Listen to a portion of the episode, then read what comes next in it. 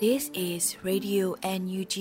the voice of National Unity Government of Myanmar, broadcasting for Myanmar Spring Revolution. Radio NUG is transmitting from shortwave 16 meter 17.79 megahertz at 8:30 a.m. and 25 meter 11.94 megahertz at 8:30 p.m. Myanmar Standard Time. မင်္ဂလာပါရှင်။အမျိုးသားညီညွတ်ရေးအစိုးရရဲ့အတန်လွတ်ဌာန Radio NUG ကိုမန္တပိုင်း၈နိုင်ခွဲမှာလိုင်းတူ6မီတာ19.3ခွန်ကုန်းမဂါဟတ်စ်နဲ့ညပိုင်း၈နိုင်ခွဲမှာလိုင်းတူ25မီတာ17.3ကိုလီမဂါဟတ်စ်တို့မှာဓာတ်ရိုက်ဖမ်းယူနားဆင်နိုင်ပါပြီရှင်။မင်္ဂလာအပေါင်းနဲ့ပြည့်စုံကြပါစေ။အခုချိန်ကစပြီး Radio NUG စီစဉ်လေးကိုဓာတ်ရိုက်အတန်လွှင့်ပေးနေပါပြီ။ တောတာရှင်ပြည်သူအပေါင်းဘေးပရာဝေးကွာကြပါစေခင်ဗျာ။ရေဒီယိုအန်ယူဂျီမှဖေဖော်ဝါရီလ12ရက်နေ့မနက်ပိုင်းစီစဉ်တွေထုတ်လွှင့်ဖို့အချိန်ရောက်ပြီမို့ဥဆုံးအနေနဲ့ကာကွယ်ရေးဝန်ကြီးဌာနရဲ့စစ်ရေးသတင်းတွေကိုຫນွေဦးအလင်္ကာကဖတ်ကြားပါမယ်ခင်ဗျာ။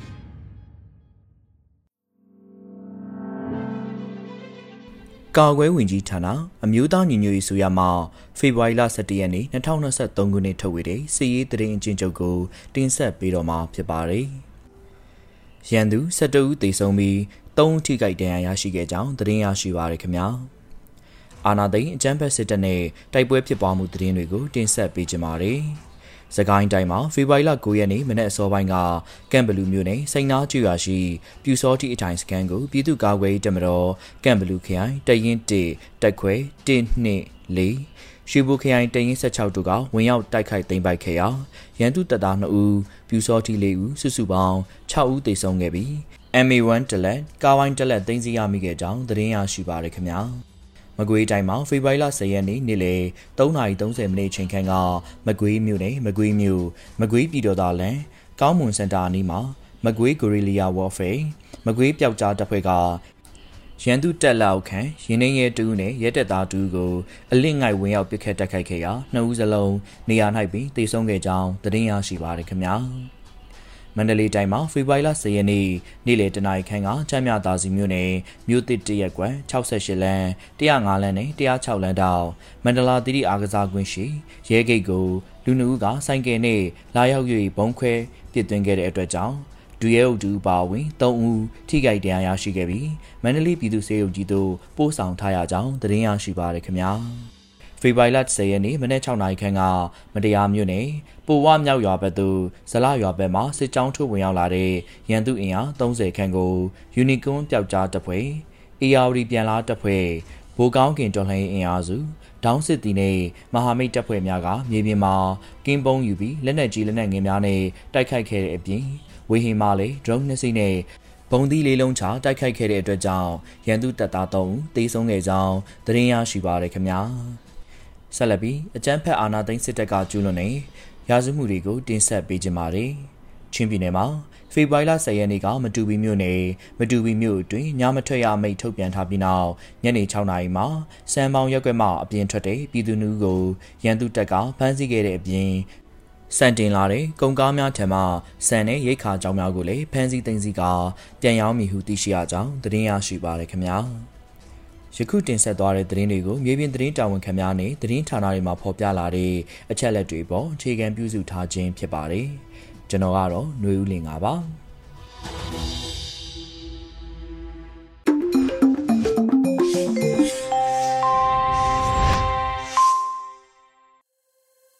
ဆက်လက်ပြီးနောက်ဆုံးရသတင်းများကိုຫນွေဦးနှင်းစီကတင်ပြမှာဖြစ်ပါတယ်ခင်ဗျာ။ မင်္ဂလာပါရှင်အခုချိန်ကစပြီး Radio UNG ရဲ့မနက်ပိုင်းသတင်းများကိုတင်ဆက်ပေးပါတော့မယ်ကျမကတော့ຫນွေဦးနှင်းစီပါရှင်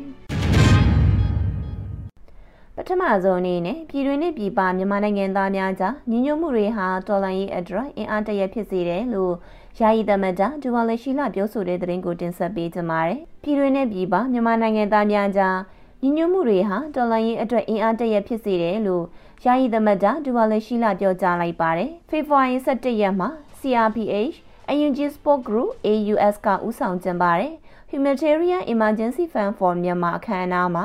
ယာယီသမတ်တာဒူဝါလရှိလာကဆိုခဲ့ပါတယ်။ပြည်တွင်းနဲ့ပြည်ပအနေဝေးကြပေမယ့်ကျွန်တော်တို့နှလုံးတွေကဝေးကွာမနေဘူးဆိုတာအထင်ရှားတွေ့ရပြီးကျွန်တော်တို့ကြားညီညွတ်မှုတွေဟာတော်လန်ရေးအတွက်အင်အားတရက်ဖြစ်စေပါတယ်။ နိုင်ငံတကာကိုရောက်ရှိနေကြတဲ့တိုင်းရင်းသားပြည်သူတွေဟာမိုးလွတ်လေလွတ်ရာနေရာကိုရောက်နေကြပေမယ့်ပြည်တွင်းကမိသားစုတွေအတွက်ရတက်မအေးဖြစ်နေကြမှာကိုခံစားမိပါတယ်လို့ဆိုပါတယ်။ဒါအပြင်နိုင်ငံတကာရောက်ပြည်ထောင်စုသားများကຫນွေဦးတော်လိုင်းရေးတွင်တရက်တအားပါဝင်ခြင်းဟာလူသားဆန်တဲ့စိတ်ဖြစ်တယ်လို့ယာယီသမဒကထပ်လောင်းဆိုပါရရှင်။ကရင်အမျိုးသားများမျှော်မှန်းထားသည့်ရီမန်းချက်ပန်းတိုင်များကိုအောင်မြင်စွာရှောက်လန်းနိုင်ကြပါစေကြောင်း အယုံကြီးနိုင်ငံသားရေးဝန်ကြီးစုမွန်ကောင်းတောင်းတဲ့သတင်းကိုတင်ဆက်ပေးကြပါမယ်။ကရင်အမျိုးသားများမျှော်မှန်းထားသည့်ရီမန်းချက်ပန်းတိုင်များကိုအောင်မြင်စွာရှောက်လန်းနိုင်ကြပါစေကြောင်းအယုံကြီးနိုင်ငံသားရေးဝန်ကြီးဒေါ်စင်မအောင်ကစုမွန်ကောင်းတောင်းဆိုလိုက်ပါတယ်။ဖေဖော်ဝါရီ17ရက်မှာအယူဂျီနိုင်ငံသားရေးဝန်ကြီးဒေါ်စင်မအောင်ကဆိုပါတယ်ယနေ့ကြာရောက်သည့်85နှစ်မြောက်စရတုပြေကရင်မျိုးသားနှင့်အခါသမယမှသည် ကရင်အမျိုးသားများမျှော်မှန်းထားသည့်ရီမန်ချက်ပန်းနိုင်များကိုအောင်မြင်စွာရှော့လည်နိုင်ကြပါစေကြောင်းစုမုံကောင်းတောင်းအပ်ပါတယ်လို့ဆိုပါတယ်လုံခြုံမှုရှိပြီးတည်ငြိမ်အေဂျင့်သည့်ကရင်အမျိုးသားတို့၏အနာဂတ်ဘဝတာယာလှပရေးအတွက်ကရင်အမျိုးသားအချင်းချင်းကြားကရင်မျိုးသားအဖွဲ့အစည်းအချင်းချင်းကြားမှာမှန်ကန်သည့်မျိုးချစ်စိတ်ဓာတ်ကိုအခြေခံဖို့ကိုလည်း85နှစ်ပြည့်စရတုကရင်အမျိုးသားနေသူပြောကြားတော်မိခွန်မှာ KNU ကရင်မျိုးသားအစည်းအရုံးဥက္ကဋ္ဌကဆိုခဲ့ပါတယ်ရှင်နိုင်ငံတကာအနေနဲ့အကြမ်းဖက်စစ်တပ်ကိုလုံးဝအသိမှတ်မပြုကြဘူးကာကွယ်ရေးဝန်ကြီးဦးရင်မွန်ပြောကြားတဲ့သတင်းကိုတင်ဆက်ပေးကြပါမယ်နိုင်ငံတကာအနေနဲ့အကြမ်းဖက်စစ်တပ်ကိုလုံးဝအသိမှတ်မပြုကြဘူးကာကွယ်ရေးဝန်ကြီးဦးရင်မွန်ပြောကြားလိုက်ပါတယ်။ဖေဖော်ဝါရီလအတွင်းအစာဟိရှင်ဘွန်သတင်းစာကိုကာကွယ်ရေးဝန်ကြီးဦးရင်မွန်ကဆိုပါတယ်။ အာနာသိန်းစစ်တပ်ဟာအကြမ်းဖက်သမားတွေလူသက်ကောင်တွေရာဇဝတ်ကောင်တွေပဲဖြစ်ကြပြီးသူတို့ဟာမြန်မာပြည်သူတွေကို လုံးဝကိုစားမပြုသလိုလက်တွေ့မှာလည်းမြေပြင်ကို လုံးဝမထိန်ချုပ်နိုင်ဘူးဆိုတာကိုကျွန်တော်တို့အနေနဲ့မြန်မာပြည်သူလူထုကိုစားကဘာကြီးကိုပြောချင်ပါတယ်။ဒါကြောင့်နိုင်ငံတကာအနေနဲ့အကြမ်းဖက်စစ်တပ်ကို လုံးဝအသိမှတ်မပြုကြပဲပြည်သူလူထုကိုအမှန်ကိုစားပြုတဲ့ အမျိုးသားညီညွတ်ရေးအစိုးရ UNG ကိုသာအသိမှတ်ပြုကြဖို့တိုက်တွန်းလိုပါတယ်။ဒီအတွက်ဆက်လက်ပြီးတော့ကျွန်တော်တို့ကြိုးပမ်းဆောင်ရွက်သွားပါမယ်လို့ဝန်ကြီးကဆိုပါတယ်။လက်ရှိမှာနိုင်ငံတကာအစည်းအဝေးများနဲ့အာဆီယံထိပ်သီးအစည်းအဝေးများကိုစစ်ကောင်စီတက်ရောက်ခွင့်တားမြစ်ထားပါတယ်ရှင်။ကြားကာလတရားဥပဒေစိုးမိုးမှုအားဖော်ဆောင်သည့်နေရာတွင်တရားရုံးများအနေဖြင့်လွန်စွာအရေးကြီးကြောင်း တရားရေးဝန်ကြီးဦးသိန်းဦးပြောကြားတဲ့သတင်းကိုတင်ပြပေးပါမယ်။ကြားကာလတရားဥပဒေစိုးမိုးမှုအားဖော်ဆောင်သည့်နေရာတွင်တရားရုံးများအနေဖြင့်လွန်စွာအရေးကြီးကြောင်းတရားရေးဝန်ကြီးဦးသိန်းဦးပြောကြားလိုက်ပါတယ်။တရားရေးဝန်ကြီးဌာနကြားကာလတရားစီရင်ရေးဆိုင်ရာဦးစီးဌာန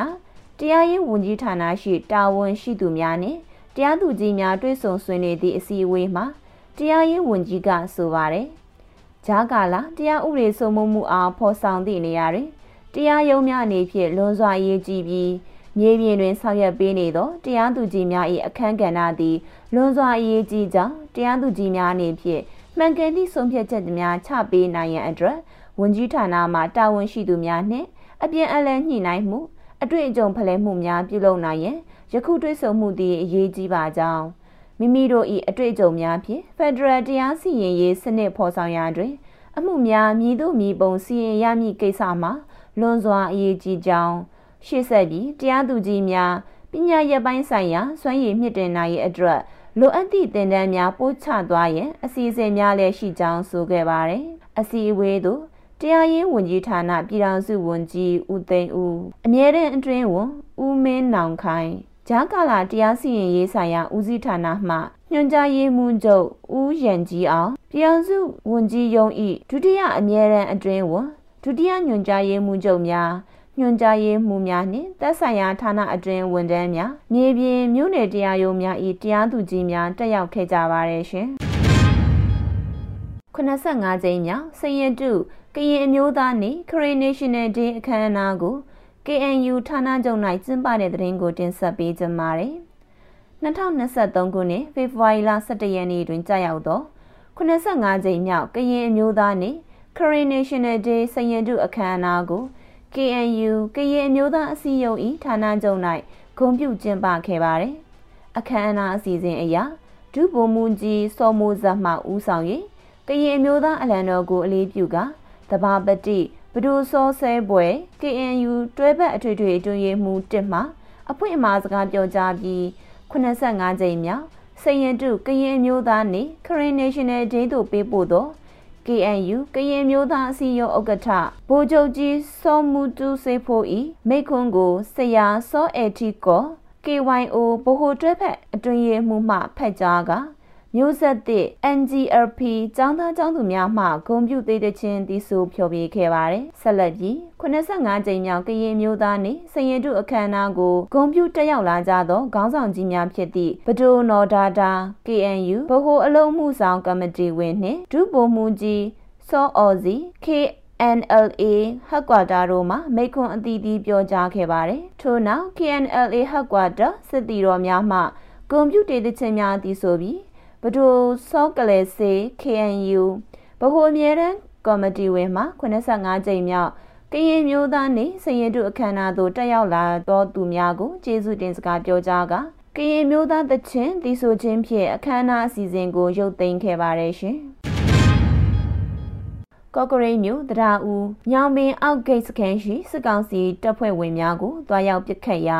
ရန်သူဘက်မှစစ်ကောင်စီတပ်ဖွဲ့ဝင်6ဦးထပ်မံတေဆုံးတဲ့တဲ့ရင်ကိုတင်ဆက်ပေးပါမယ်။ကရင်ပြည်နယ်ကော့ကရိတ်မြို့တရာဦးညောင်ပင်အောက်ဂိတ်စခန်းရှိစစ်ကောင်စီတပ်ဖွဲ့ဝင်များကိုတွားရောက်ပစ်ခတ်ရာရန်သူဘက်မှစစ်ကောင်စီတပ်ဖွဲ့ဝင်6ဦးထပ်မံတေဆုံးခဲ့ပါတယ်။ဖေဖော်ဝါရီ17ရက်မှာကြားဖြူစစ်ကြောင်းကစစ်ရေးသတင်းကိုအသိပေးဆိုပါတယ်။ဖေဖော်ဝါရီလ17ရက်နနက်9:30မိနစ်ခန့်တွင်ကြားဖြူစစ်ကြောင်းပူပေါင်းတပ်ဖွဲ့ဝင်များမှ ကော့ကရိတ်မြို့တရားဦးညောင်ပင်အောက်ဂိတ်စခန်းရှိစစ်ကောင်စီတပ်ဖွဲ့ဝင်များကိုတွားရောက်ပစ်ခတ်ခဲ့ကြပြီးတိုက်ပွဲဖြစ်ပွားခဲ့တော့လေတော်လန်ရေးတပ်ဖွဲ့ဝင်များမှရဲဘော်နှူမစိုးရင်ရသောတရားရရှိခဲ့ပါတယ်လို့ဆိုပါတယ်။ရန်သူဘက်မှစစ်ကောင်စီတပ်ဖွဲ့ဝင်6ဦးထက်မနည်းသေဆုံးပြီးထိခိုက်သေဆုံးမှုကိုထပ်မံအတည်ပြုနေဆဲဖြစ်ပါတယ်။စစ်ကောင်စီဘက်မှအတူတလက် MA3 နှစ်လက်ကြည်ပေါက်၄ခု RPG 7 အသီးတစ်လုံးကိုတင်ဆက်ရရှိခဲ့တယ်လို့သတင်းရရှိပါရရှင် ဖဲခုံမြို့နယ်အနောက်ကရန်အုပ်စုကျေးရွာတရွာအနီးတစ်ဝိုင်းပေါင်900ဘုံနဲ့အကြမ်းဖက်စစ်တပ်က Jet Fighter တစီဘုံကျဲတိုက်ခိုက်တဲ့သတင်းကိုတင်ဆက်ပေးပါမယ်ဖဲခုံမြို့နယ်အနောက်ကရန်အုပ်စုကျေးရွာတရွာနာတဝိုင်ပေါင်900ဘုံနဲ့အကြမ်းဖက်စစ်တပ်ကဂျက်ဖိုက်တာတစီဘုံကျဲတိုက်ခိုက်ခဲ့ပါတယ်။ဖေဖော်ဝါရီ17ရက်မှာစစ်ရေးသတင်းကိုဖဲခုံ PDF ကအသိပေးဆိုပါတယ်။ဖေဖော်ဝါရီ10ရက်နေ့ည7:20အချိန်တွင်စစ်ကောင်စီဘက်မှ နေပြည်တော်လီတာစခန်းရှိဂျက်ဖိုက်တာတစီသည် ဖဲခုံမြို့နယ်အနောက်ကရန်အုပ်စုကြီးရွာတရွာနာသဝိုက်ကိုပေါင်900ဘုံနဲ့လာရောက်တိုက်ခိုက်သွားပါတယ်လို့ဆိုပါတယ်။လူထိခိုက်မှုမရှိတော့လဲအဆောက်အဦတစ်လုံး၊သုံးကန်းတွဲအိမ်သာတစ်လုံးနဲ့ရေလောင်ကန်တလုံးပျက်စီးဆုံးရှုံးသွားခဲ့ပါတယ်။စစ်ကောင်စီတို့သည်စစ်ရေးအရဆုံးရှုံးမှုများစွာရှိနေသောကြောင့်ပြည်သူလူထုကိုသာရည်ရွယ်ချက်ရှိရှိပြစ်မှတ်ထားပြီးတိုက်ခိုက်လာတာကိုတွေ့ရ၍မိဘပြည်သူများတတိဝရိယနဲ့နေပြီးပြည်သူမှပြည်သူဆိုသလိုလေကြောင်းသတင်းများကိုလည်း အချိန်မီသတင်းပေးကြရန်တိုက်တွန်းနှိုးဆော်အပ်ပါတယ်လို့ဆိုပါတယ်ရှင်။အထူးစစ်စင်ရေးတပ်ဖွဲ့ SOFE ပြန်ကြားရေးနှင့်သတင်းဆက်သွယ်ရေးအတွက် Telegram Channel ဖွင့်လှစ်တဲ့သတင်းကိုတင်ဆက်ပေးပါမယ်။အထူးစစ်စင်ရေးနှင့် SOFE ပြန်ကြားရေးနှင့်ဆက်သွယ်ရေးအတွက် Telegram Channel ဖွင့်လှစ်လိုက်ပါတယ်။ ဖေဖော်ဝါရီ17ရက်မှာအထူးစစ်စင်ရေးတပ်ဖွဲ့ SOF ကအသိပေးပါတယ်။အမျိုးသားညီညွတ်ရေးအစိုးရတောင်ပိုင်းစစ်ဒေသကုတ်ကဲရေးအထူးစစ်စင်ရေးတပ်ဖွဲ့ SOF အနေဖြင့်ပြန်ကြားရေးနဲ့ဆက်သွယ်ရေးလုပ်ငန်းများပုံမအဆင်ပြေလွယ်ကူစေရန်ရည်ရွယ်ရေးအထူးစစ်စင်ရေးတပ်ဖွဲ့ SOF Telegram Channel အားစတင်ဖွင့်လှစ်လိုက်ပြီးဖြစ်ပါတယ်လို့ဆိုပါတယ်။တပ်ဖွဲ့ဤမြို့ပြကျေးလက်စစ်စင်ရေးဆောင်ရွက်ချက်များထုတ်ပြန်ချက်များနှင့် နေ့စဉ်လှုပ်ရှားဆောင်ရွက်မှုမှတ်တမ်းဓာတ်ပုံနှင့်ဗီဒီယိုများအား channel တွင်အချိန်နဲ့တပြေးညီပြည်သူလူထုသို့အသိပေးတင်ပြသွားမယ်လို့ထုတ်ပြန်ပါတယ်။အထူးစစ်စင်ရေးတပ်ဖွဲ့ SOF Telegram Channel link အားတရားဝင်လူမှုကွန်ရက်စာမျက်နှာမှာဖော်ပြထားရှိပါတယ်ရှင်။နယ်စပ်ဒေသရှိ PVTV သတင်းဌာနကို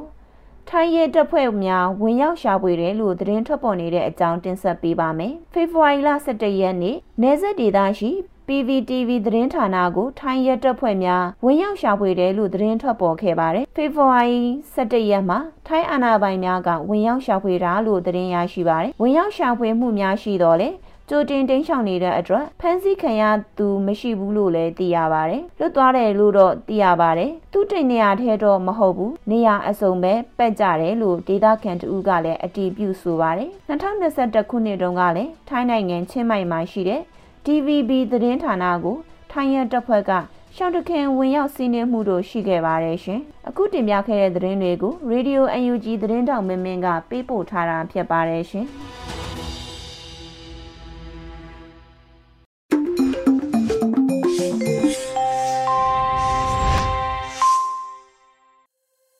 အမျိုးသားညွရေးအစိုးရရဲ့ Radio UNG အစီအစဉ်တွေကိုနားဆင်နေကြတာဖြစ်ပါတယ်။ဆက်လက်ပြီးနားဆင်ရမှာကပြည်သူခုခံစစ်တည်င်းများဖြစ်ပါတယ်။ကျော်နွေဦးကတင်ပြပါမယ်ခင်ဗျာ။ပထမဆုံးတင်ဆက်မှာကလောင်းရှည်မြို့ရှိကပ္ပစ25လက်နက်ဆက်ယုံတပ်ဖွဲ့ရဲစခန်းများအပါအဝင်စစ်တပ်နေရာများကိုတပြိုင်နက်တည်းတိုက်ခိုက်တဲ့တရင်ပါ။ မကွေးတိုင်းဂံကောခရိုင်စောမြို့နယ်လောင်းရှည်မြို့ရှိအကြမ်းဖက်စစ်တပ်စခန်းနေရာများကိုတပြိုင်တည်းဝင်ရောက်တိုက်ခိုက်ခဲ့ရာအကြမ်းဖက်စစ်သားရဲ12ဦးတေဆုံးပြီး PDF တဦးကြဆုံးခဲ့ကြောင်းလောင်းရှည်ဒေသကာကွယ်တပ်ဖွဲ့ထံမှသိရပါဗျ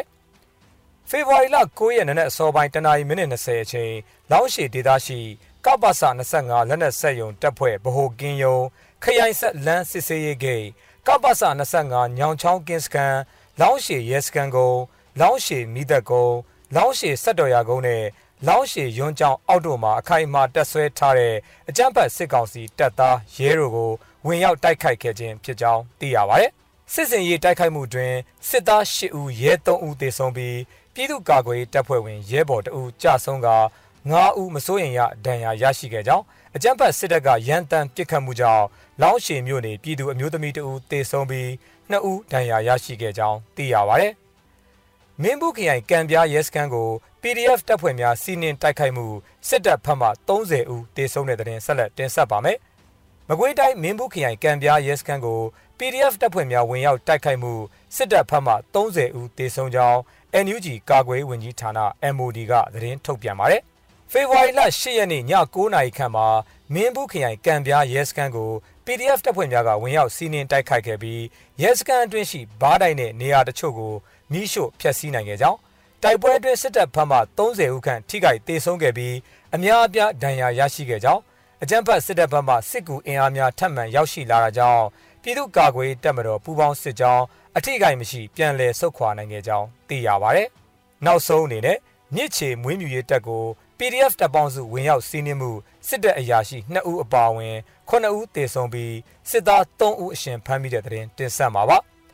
မကွေးတိုင်းပခုတ်ကူမြို့နယ်မြစ်ချေမြို့အခြေဆိုင်မွေးမြူရေးတပ်ကို PDF တပ်ပေါင်းစုများကယနေ့နေ့ပိုင်းဝင်ရောက်စီးနင်းတိုက်ခိုက်ရာစစ်တပ်အရာရှိ2ဦးပါဝင်9ဦးသေဆုံးပြီးစစ်သား3ဦးအရှင်ဖမ်းမိကလက်နက်3လက်နဲ့ခဲယမ်းများတင်စီရမိကြောင်းမြိုင်မြို့နယ်ပြည်သူ့ကာကွယ်တပ်ဖွဲ့ကထုတ်ပြန်ပါတယ်။ဖေဖော်ဝါရီလ17ရက်နေ့နနက်6နာရီခန့်အချိန်မြစ်ချေအခြေဆိုင်မွေးမြူရေးတပ်ကိုပြည်သူ့ကာကွယ်တပ်ဖွဲ့များကဝင်ရောက်တိုက်ခိုက်ရာတိုက်ပွဲ2နာရီခန့်ကြာမြင့်ခဲ့ကြောင်း မွေးမြူရေးတပ်ဝင်ရောက်တိုက်ခိုက်ခံရပြီးတဲ့နောက်အကြမ်းဖက်စစ်တပ်ကလေကြောင်းမှ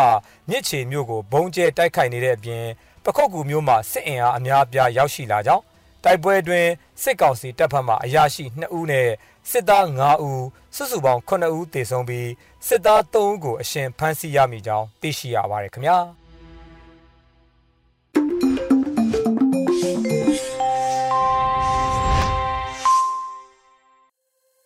Radio UNG ရဲ့မနက်ခင်းစီစဉ်တွေကိုဆက်လက်ထုတ်လွှင့်နေပါတယ်။အခုတခါနားဆင်ရမှာကတော့ PPTV ရဲ့နေ့စဉ်သတင်းများပဲဖြစ်ပါတယ်။နေကြီးကဖတ်ကြားပါမယ်ခင်ဗျာ။အခုချိန်ကစပြီး PPTV သတင်းတွေကိုတင်ဆက်ပေးတော့မှာပါ။ကျမနေကြည်ပါရှင်။ ထမဆုံးတင်ဆက်ပေးချင်တာကတော့မြန်မာကျန်းဖက်စစ်တပ်ကိုတိကျပြတ်သားပြီးပုံမိုးပြင်းထန်တဲ့ဖိအားတွေပေးဖို့အာဆီယံနိုင်ငံတွေကိုမလေးရှားဝန်ကြီးချုပ်တိုက်တွန်းလိုက်တဲ့သတင်းပါမြန်မာကျန်းဖက်စစ်ကောင်စီကိုအာဆီယံအနေနဲ့ဒီထက်ပိုပြီးဖိအားပေးပြီးတိကျပြတ်သားတဲ့သတင်းစကားများပေးဖို့အာဆီယံနိုင်ငံတွေကိုမလေးရှားဝန်ကြီးချုပ်ကတိုက်တွန်းပြောဆိုလိုက်ပါတယ်မလေးရှားဝန်ကြီးချုပ်ဟာ9ရက်နေ့က ဘဘန်ကောက်မှာထိုင်းဝင်ကြီးချုပ်ပရာပွန်းနဲ့တွေ့ဆုံပြီးပူရဲကျင်းပခဲ့တဲ့သတင်းစာရှင်းလင်းပွဲမှာအခုလိုပြောဆိုလိုက်တာဖြစ်ပါတယ်။မြမရေးကိစ္စဟာအာဆီယံနဲ့ဆက်ပြီးလှုံ့ဆော်ရမယ့်ကိစ္စတွေမှာအဟံတားဖြစ်နေပြီးမြန်မာနိုင်ငံကဆရာနာရှင်ရဲ့ရက်ဆက်ကြမ်းကြုတ်မှုတွေကိုအင်အားကြီးနိုင်ငံတွေကဝင်ရောက်ဖြည့်ရှင်းတာတွေမလုပ်ခင်အာဆီယံကိုယ်တိုင်ကဖြည့်ရှင်းဖို့အတွက်မလေးရှားဝန်ကြီးချုပ်အန်လဝါဘီဟာရဗန်ကပြောဆိုလိုက်ပါတယ်။ ကိုပြည်တွေရဲ့မူဝါဒနဲ့လုံပိုင်ခွင့်တွေရှိနေပေမဲ့အခုခေတ်မှာဘယ်နိုင်ငံမှဒီလိုခွဲခြားဆက်ဆံတဲ့မူဝါဒတွေကိုပြည်သူတွေကိုပြစ်ပယ်ထားတာမျိုးတွေ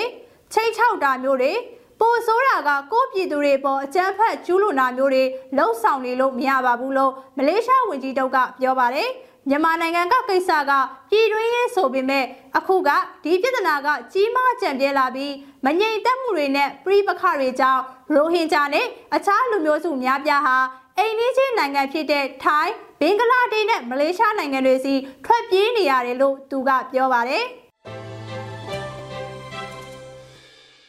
ထပ်ပြီးတင်ဆက်ပေးချင်တာကတော့အမျိုးသားညီညွတ်ရေးဆိုရနဲ့တရားဝင်ဆက်ဆံဖို့ အာဆီယံကိုမလေးရှားနိုင်ငံသားရေးဝန်ကြီးဟောင်းတိုက်တွန်းလိုက်တဲ့သတင်းဖြစ်ပါတယ်။အာဆီယံအနေနဲ့မျိုးသားညီညွတ်ရေးဆိုရနဲ့တရားဝင်ဆက်ဆံပြီးဆွေးနွေးဖို့မလေးရှားနိုင်ငံသားရေးဝန်ကြီးဟောင်း စိုက်ဘူတင်အပလာကတောင်းဆိုလိုက်ပါတယ်။မလေးရှားနိုင်ငံသားရေးဝန်ကြီးဟောင်းစိုက်ဘူတင်အပလာကို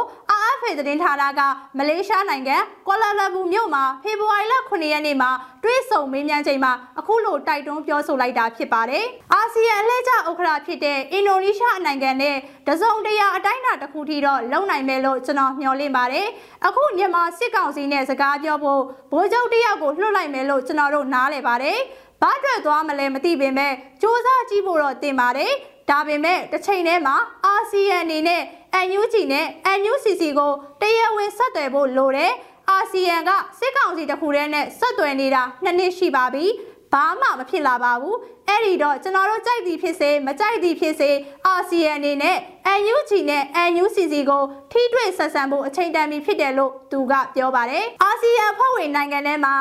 NUG နဲ့ NUCC ကိုတရားဝင်ဆက်ဆံတင်တယ်လို့တဘောထားရှိတဲ့နိုင်ငံ၃နိုင်ငံရှိပြီးမလေးရှားနဲ့အင်ဒိုနီးရှားနိုင်ငံကတော့လူသိရှင်ကြားထုတ်ဖော်ပြောဆိုဖြစ်ပြီးလို့ဆိုပါတယ် အန်ယူချီအနေနဲ့သူတို့ဘာလုပ်ရမယ်ဆိုတာကိုသိတယ်လို့ကျွန်တော်တို့ထင်ပါတယ်မြန်မာပြည်သူတွေရဲ့ဒီမိုကရေစီလှုပ်ရှားမှုကိုမြန်မာလူထုကပဲဥဆောင်ရမယ်လို့ကျွန်တော်တို့အမြဲတမ်းယုံကြည်ပါတယ်အန်ယူဂျီဟာမြန်မာပြည်သူတွေရေးချယ်ထားတဲ့အစိုးရပါပဲလို့မစ္စတာဆိုင်ဘူတင်အပလာကပြောပါတယ်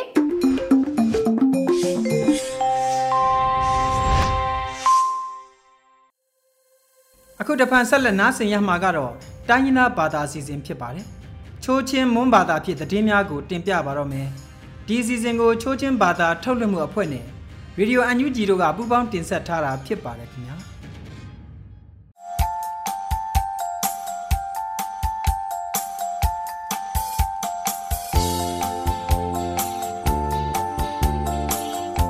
ချိုရေဒီယိုနမငိုင်ကနုပါဖိနာတူနမဘာမရိုင်နိုအတူမကိုကုမ်ဖရမ်ကူလမ်ဂူလိထုမ်ဖေဘရင်ကိုချပ် ရှရီရုငုံညမခုကရုံထူရီမိငိုင်ဘခါနီမင်ဒမောင်ရိုယုံအင်္ဂရိစီနိုကနာဖွာအခုကုမ်ရှာလော့ကယမ်ဟောဒမတ်စနာအော့ပီဂျမောဘရီဘရီကာခုံဟဘရီယုံအင်္ဂရိစီနိုအပနာမင်ဒမောင်ရောင်ကာချန်ဆန်ရီလော့နာအော့ပီဂျမောသန်ဒလန်ပလင်ဘုံအင်တမတ်ဆီယန်ဒီလာ CTF နိုအမေရနာအော့ပီဂျမောဖိမိငိုင်ခါနီဩစတြေးလျတာမတူနို NUG လာ CRPH အန်ဘိုင်ရီအနဒိုချန်နေအန်ဖူနာပူယောပီဂျမောရီအတူဝရှင်ကနောမိငိုင်ခါနီ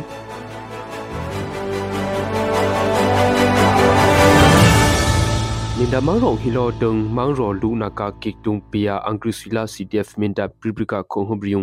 အမင်ကာနာအော့ကိနီအဂျုနာအမင်ကာနာအန်ဘရီကောနာအန်ကရစီနို akana phua akum shalok kya mhoza dumat limne asuna opkija cdf mintano fibrin ko kya shanghum aprin lona opkini ajuna sakya angmhoza poiba shitkia krung kurion ayotc na opgp cdf mintano pritkini bribrika fibrin ko kya khrinhum angrisila cdf minta minta mangro hilo denga aningka na omne ajunung paling bumuka kyangsung rila angriswidanga sina limna opkija cdf minta tengkano pritkini aminka na ambrukona mindamang rong hilo denga opkia khok khang ria imri angri sitang kano mion amkhina omgi gp cdf minta no prikini pribrika january phe kya konghum angri si khala ya nik khun le tung kano minta mangro lilong pirong ka akukum shalik khre phumisa ang hotuma chumpi setom ka ne angon na opkini minda mangro ngilo dung nap thai ungka angri sino khyang suk phi akpan na gungka ami ima amrok lo bana opkijia phanna opkini angri sino bribrika febring ko chak train hum akugum shalik khru lo lokya hotuma la khok khyang khyang suk phi ju akpana phi kya kini bribrika febring ko chak train hum minda mangro ngilo dunga cdf minda la angri si ning kana kung angri si dangka sina omne limgia kyang ri jumpi op ki ja khu kyang ri tang kano prit kwini angrisino ana arubrikona cdf mintadon baki jia angrisitang kano pungna kon amik pana khu kyang amsha o mamuya angrisino kam thlo ba pi phaya minda mangro khu kyang jumpi agdam op kini kyoko thandla mangro op kia paling um im tuma cne la cdf no bribrika febring ko chak thrit khomodong himkin sha lagung lushi ne me ka na kung ka febring ko chak ko khongai tong himkin ur lagung achuna paling bum im jo mi rana opki ja prikwini than dalam mangro paling bum im lu shi ne amika na kamya sehet phiki bata dum de ba ge mi rana omgi gp prikwini angrisi tang kana lejo achuna febring ko chak ko khongai tong kana dune khan yung rion se shi ne kana omgi gp prikwini bribrika january phekya thumkible a hum cne la ctf mubim tang kana thandalam mangro cb bank of kia angrisila paling bum khyang sik kruk chumpi seherion amik panna opkini january phi kya shala shle a hum angrisi council no cnf omnaka gap victoria khan yongrion akana angbrukona thandalam mangro krongleju ashinamya ngtung kana ri adam lona kya kgp khokhyam shan leju brinna opkini Australia ko athello to ma Dane Smith no NUG la CRPH chung ka angwairi do khyang ne namhuna opki ji apikini febrin ko kya kong hum australia khong om gya mang rong ka thlotong bum im tuma dung anado khyang ne amhu ri kya ki jia athat thloto ma ding smith no ania facebook samhayung aruna opkini angrisui kaunsi tangkano ana aruna ka khogum ri akrungla adu khrurita myama khokrunga angrisui no khokhyang ri khana adu dina adu mamaya australia khodang gani jumpi NUG la CRPH kho so yari ju kho so ya tomata hapwe ne angmu khrumbana opkaji ani no britkini australia ko thelhoto ma tingsme leju myama khong tungka na riong pa si om khonong ne mizoram kho krong opkya khok chang ria mawang pa si mizoram khwa khokum phram gula mugli ri autobang mu kya akrong bazit ki kya ki je phi ningam thindri ne atungai thuminga leju asimbong kya khani myama khokrong la khyo khong ne opkya khyo sak chang rim wan ayo thi sina ang ai na ri ayo mai ne nami bum khut nami cheng nang sa ja shingano printuni nuba phina ban rai ne ombo တရားမှုကိုစัจကျင်သောရေ နုပါဖိနာဘန်လိုင်းနေအမတရားမှုကိုစတင်သော